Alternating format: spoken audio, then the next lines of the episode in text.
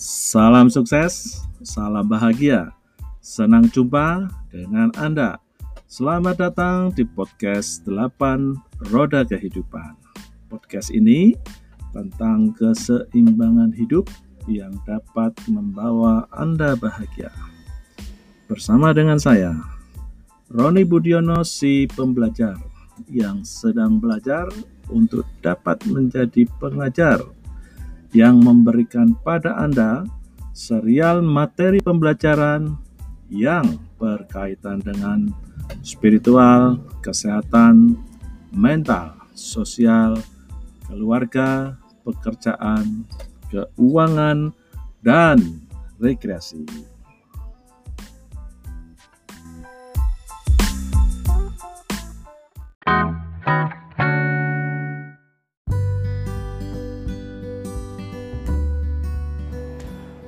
Di episode yang ketiga ini, kita akan membahas untuk pertanyaan smartkah goals Anda.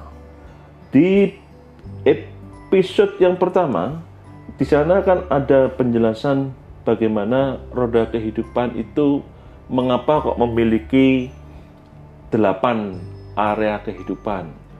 Di sana dijelaskan bahwa kita adalah manusia yang sejatinya adalah makhluk spiritual yang tinggal di dalam tubuh. Untuk itu perlu jaga kesehatan. Dan di dalam manusia itu juga memiliki pikiran dan perasaan. Untuk itu, mental kita perlu ditumbuh kembangkan. Perasaan kita juga perlu dipelihara supaya kita bisa menjadi makhluk sosial yang baik. Nah, empat itu teman-teman, SQ, PQ, IQ, dan EQ kalau itu berkembang dengan baik dalam diri kita, maka kita dapat membentuk keluarga yang harmonis dan melakukan pekerjaan dengan baik. Keuangan kita juga nanti bisa dapat diatur dengan tepat dan kita memiliki waktu untuk rekreasi. Ya, banyak orang kan yang stres karena fokus bekerja bekerja terus cari uang dan seterusnya. Nah, kalau semuanya kita itu delapan hal tadi yang kaitan dengan spiritual, kesehatan, mental, sosial, keluarga, pekerjaan, keuangan, dan rekreasi itu bisa seimbang, maka hidup kita ini disebut sebagai hidup yang berbahagia, dunia dan akhirat. Nah, itu goal besar kita ya. Saya yakin teman-teman semua setuju di sini bahwa kita hanya punya satu kali kesempatan hidup, maka kita buat hidup di dunia ini berbahagia. Dan kalau kita mati, kita pun juga berbahagia di surga. Nah, itu yang mendasari mengapa podcast ini disebut dengan roda kehidupan. Karena roda kehidupan yang perlu kita buat ini roda yang membawa kita kepada kebahagiaan. Itu yang di episode yang pertama. Yang di episode yang kedua, pertanyaannya adalah seperti apa? Maksudnya di sini roda kehidupan sekarang kita ini menjadi sudah ya sudah sudah menjadi seperti apa? Sudah benar-benar berbentuk roda yang melingkar, yang lingkaran bentuknya lingkaran itu bulat, bundar itu atau belum? Nah, makanya di podcast yang kedua saya memberikan cara yang sederhana dan dua contoh bagaimana supaya teman-teman pada akhirnya bisa membuat suatu roda kehidupan Anda dan Anda bisa melihat sendiri bagaimana hasilnya.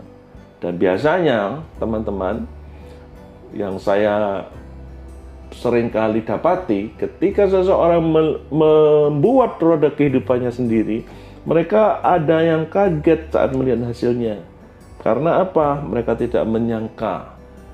Ada yang tidak menyangka bahwa rodanya sudah seimbang. Dan dia merasa bersyukur. Dan juga ada yang melihat rodanya belum seimbang. Ada area-area kehidupan yang perlu ditingkatkan. Dan orang itu juga bersyukur. Karena apa? Belum terlambat. Nah, di podcast yang ketiga ini, kalau sudah Anda mendapatkan tujuan Nah, itu kan tujuan apa? Tujuan perbaikan. tujuan perbaikan yang spesifik, yang khusus, yang ada di area kehidupan yang di mana Anda sudah menilai itu perlu ditingkatkan. Sekarang ada metode SMART ya. Metode SMART ini adalah suatu cara yang sederhana juga dan sering kali banyak membantu orang untuk mewujudkan tujuannya. Mengapa teman?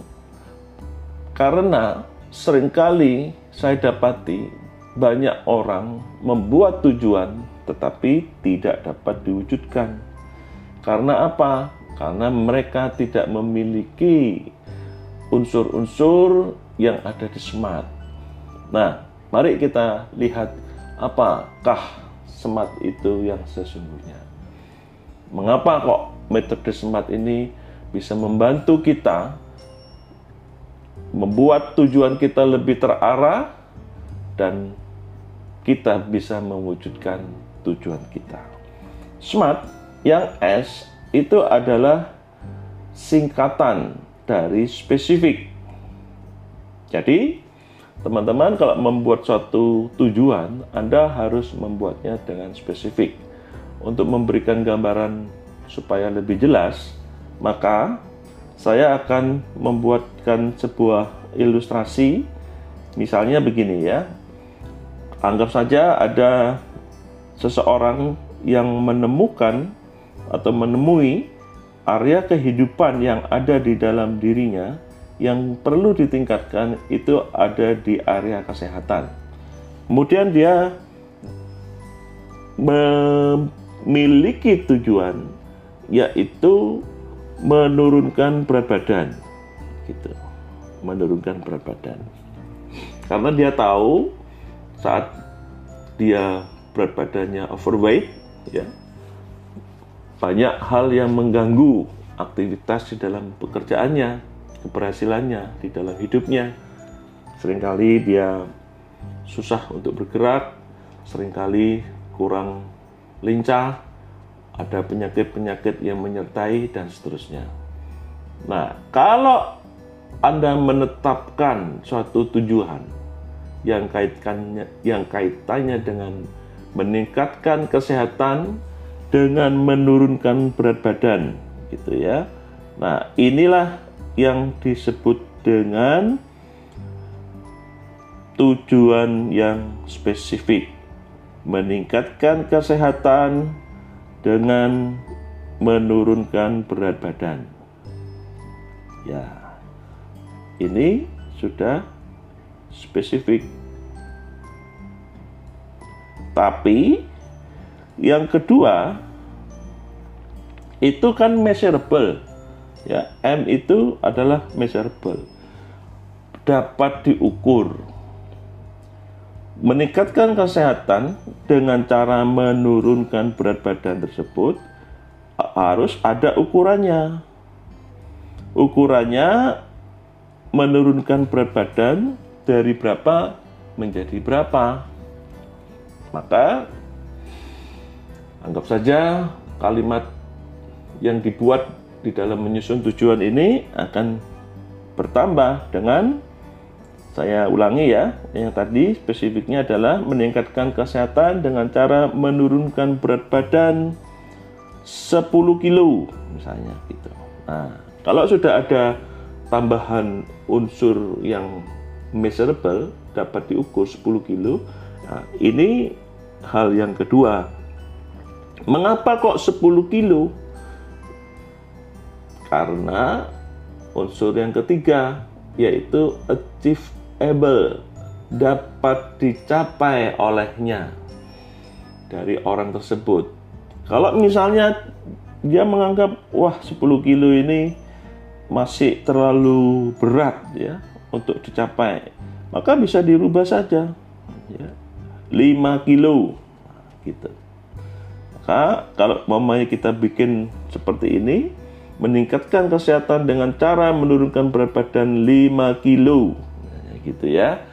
Apakah sudah spesifik, measurable, achievable dapat dicapai. Oh ya, bisa lebih memungkinkan dapat dicapai. Kemudian yang R, yang R itu relevan. Relevan itu artinya sesuai, ada hubungannya dengan apa? Dengan pencapaian tujuan yang lebih besar yang di awal tadi itu. Bahwa ketika orang tersebut menurunkan berat badan 5 kilo itu sesuai dengan tujuan besar di atasnya yaitu supaya kesehatannya lebih meningkat. Nah, mengapa kok dia perlu meningkatkan kesehatannya? Karena dia tahu bahwa yang membuat roda keseimbangannya dia itu belum sepenuhnya bulat itu karena di faktor kesehatan. Jadi sudah memenuhi syarat ini tujuan yang disebut dengan meningkatkan kesehatan dengan cara menurunkan berat badan 5 kilo. Maka yang terakhir yaitu time bond. Time bond itu maksudnya ada batas waktunya. Iya, karena kalau tidak diberi batas waktu, maka tujuan itu sekedar menjadi cita-cita atau menjadi mimpi ya, jadi mimpi, impiannya menjadi mimpi. Seringkali diperasakan begitu ya. Maka untuk memastikan itu kita tambahi kalimatnya meningkatkan kesehatan dengan cara menurunkan berat badan 5 kilo dalam waktu. Nah, dalam waktu ini kan batasan waktu bisa seminggu, bisa sebulan, bisa tiga bulan. Nah, ini kira-kira berapa lama? Ini yang bisa Anda tentukan sendiri. Kira-kira 5 kilo ini bisa turun waktu berapa lama? Itulah faktor-faktor yang tadi yang perlu diperhatikan adalah achievable, dapat tercapainya itu, dapat dicapainya. Nah, karena ini contoh ya, anggap saja kita bikin dalam waktu tiga bulan misalnya begitu. Nah, jadi sudah ya, inilah yang disebut dengan tujuan yang smart. Tujuan yang memiliki faktor-faktor spesifik, measurable, achievable, relevan, dan time bound.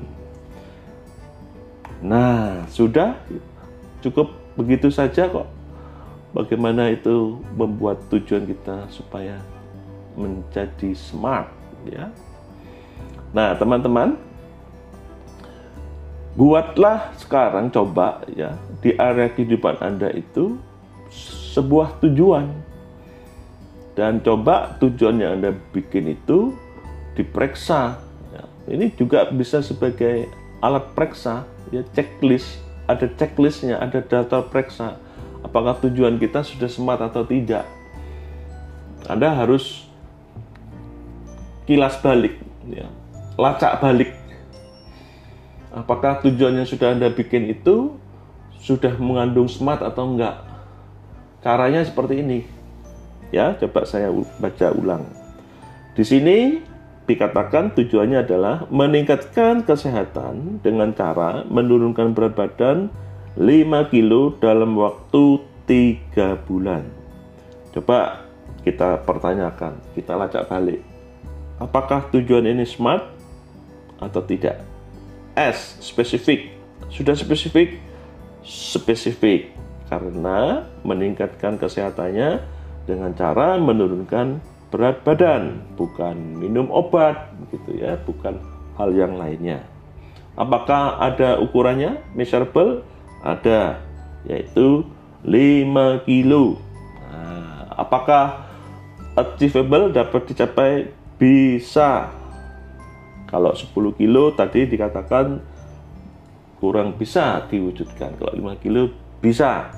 Relevan, relevan, sesuai. dengan tujuan yang ada di atasnya. Kemudian dalam waktu tiga bulan itu yang menunjukkan bahwa tujuan ini memiliki time bond. Kalau Anda benar-benar bisa sudah membuat tujuan yang smart ini, itu ada keuntungannya. Dengan sendirinya, tujuan yang Anda bikin itu selain bisa direalisasikan, itu tujuan Anda memiliki kekuatan, ya. Mengapa? Karena di sini Anda membuat suatu tujuan yang positif. Ya. Jadi ini 3P. Anda membuat tujuan yang smart ini memiliki kekuatan. Mengapa? Selain positif juga karena ini possible. Ya, karena benar-benar dibuat dengan metode smart. Dan tujuan Anda yang smart ini juga memiliki kekuatan yang ketiga. Ya, karena dibikin secara personal.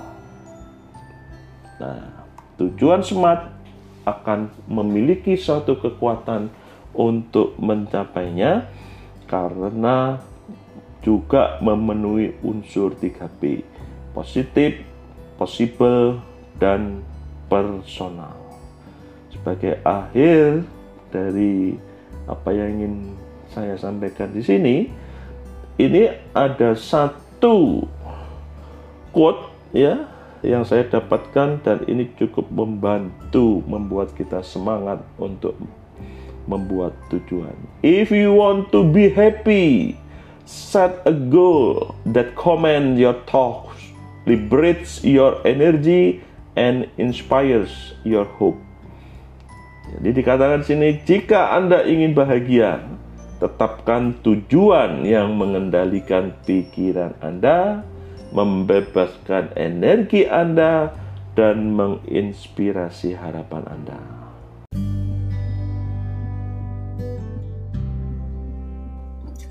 Terima kasih, thank you, Kamsahamida. Anda telah belajar dengan saya di episode kali ini.